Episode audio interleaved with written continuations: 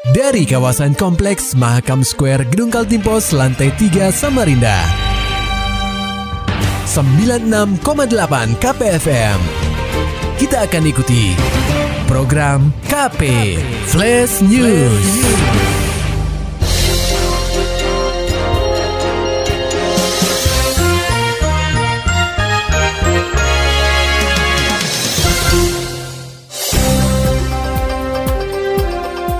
Anda sedang menyimak program KP Flash News bersama saya Agung Pratama. Dengar KP banjir di SMA 4 Samarinda, sekolah diliburkan. Laporan selengkapnya disampaikan reporter KPFM Samarinda, Maulani Alamin. Banjir yang terjadi di pelbagai lokasi di Samarinda jadi perhatian serius pemerintah. Berdasarkan data Badan Penanggulangan Bencana Daerah atau BPBD Samarinda, pada Senin 1 Mei 2023 terdapat 52 titik genangan air dengan ketinggian bervariasi. Selain rumah-rumah warga, banjir juga merendam bangunan sekolah. Salah satunya SMA 4 Samarinda di Jalan Harun Napsi, Kelurahan Rapak Dalam.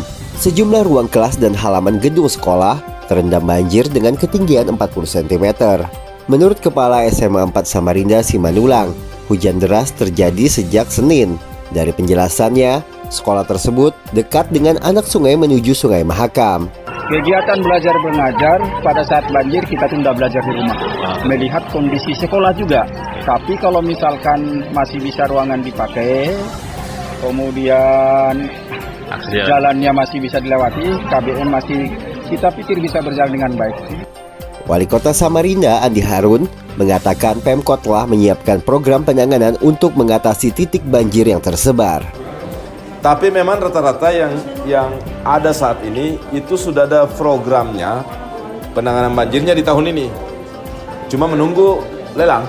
Kalau yang di Lok Baru itu Pak kan kemarin juga eh di barat karya itu Pak di Lok Baru itu. Ah, itu yang baru. Kita itu mau periksa besok di Lobantika ya? Ya, Lok Ya.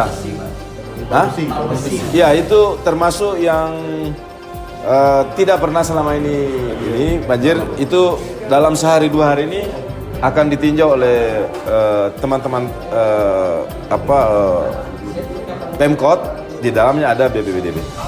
Wali Kota Samarinda Andi Harun berharap cuaca bisa membaik dan masyarakat tetap waspada terhadap banjir. KPFM Samarinda, Maulani Al-Amin melaporkan. Berita selanjutnya pendengar KP, Pemprov Kaltim melalui Badan Kepegawaian Daerah atau BKD telah mengusulkan 4.286 formasi pegawai pemerintah dengan perjanjian kerja atau P3K untuk tahun 2023. Hal itu diungkapkan langsung oleh Kepala BKD Kaltim Dedi Sutrisno saat ditemui usai penyerahan SKP 3K untuk tenaga kesehatan di Pendopo Odah Etam, Kantor Gubernur Kaltim, Kamis 4 Mei 2023. Denny menuturkan formasi tersebut masih diperuntukkan bagi guru, tenaga kesehatan, serta tenaga teknis di lingkungan Pemprov Kaltim.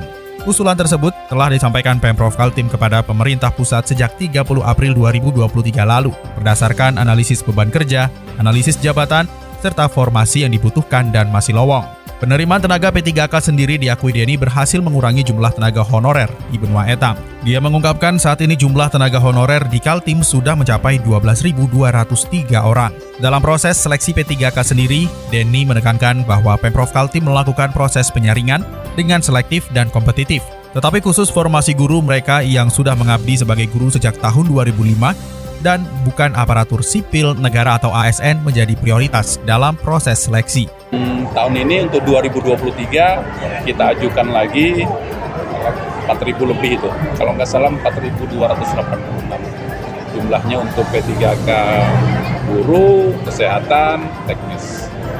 Itu masih nunggu persetujuan ya Pak dari BKD? Ah, anu, penetapan Menpan Oh. untuk formasinya. Oh. Jadi kita ajukan kebut berdasarkan kebutuhan kita, analisis beban kerja, analisis jabatan, formasi-formasi apa yang kita butuhkan yang masih lowong.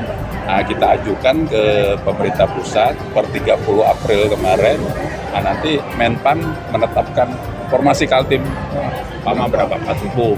Lebih lanjut, Denny menyampaikan bahwa Pemprov Kaltim masih menunggu penetapan dari Menteri Pendayagunaan Aparatur Negara dan Reformasi Birokrasi atau Menpan RB untuk menentukan berapa jumlah formasi P3K yang disetujui pada tahun ini.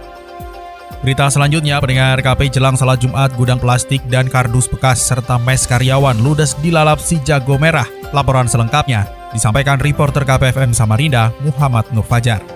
Gudang barang bekas plastik dan kardus bekas yang berlokasi di Jalan Padat Karya, Gang Ring Road 2, Kelurahan Sempaja Timur, Samarinda Utara. Tiba-tiba terbakar hebat menjelang waktu salat Jumat pada 5 Mei 2023 sekitar pukul 11.20 waktu Indonesia Tengah.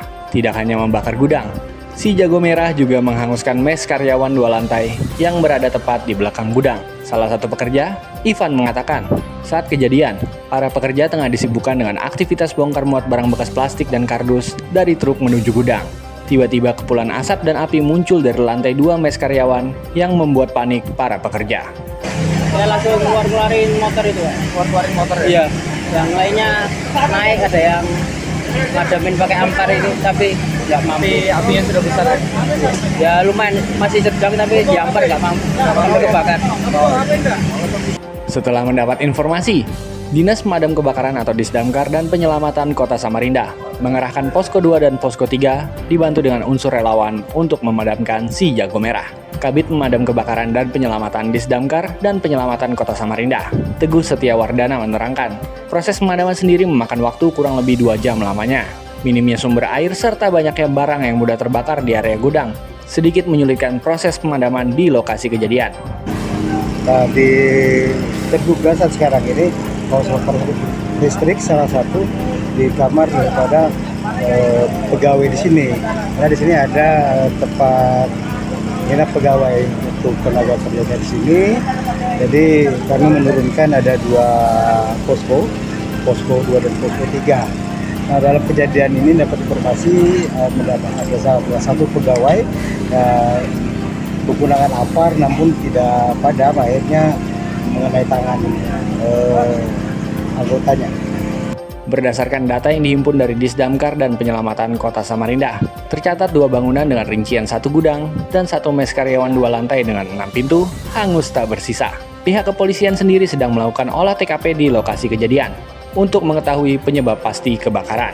KPFM Samarinda, Muhammad Fajar melaporkan. Maulani Alamin, Muhammad Nur Fajar, KPFM Samarinda. Serta dapatkan berita-berita selengkapnya di www.968kpfm.co.id. Demikian tadi telah kita simak rangkaian berita-berita yang terangkum dalam program KP Flash News. Persembahan dari 96,8 KPFM. Terima kasih dan sampai jumpa.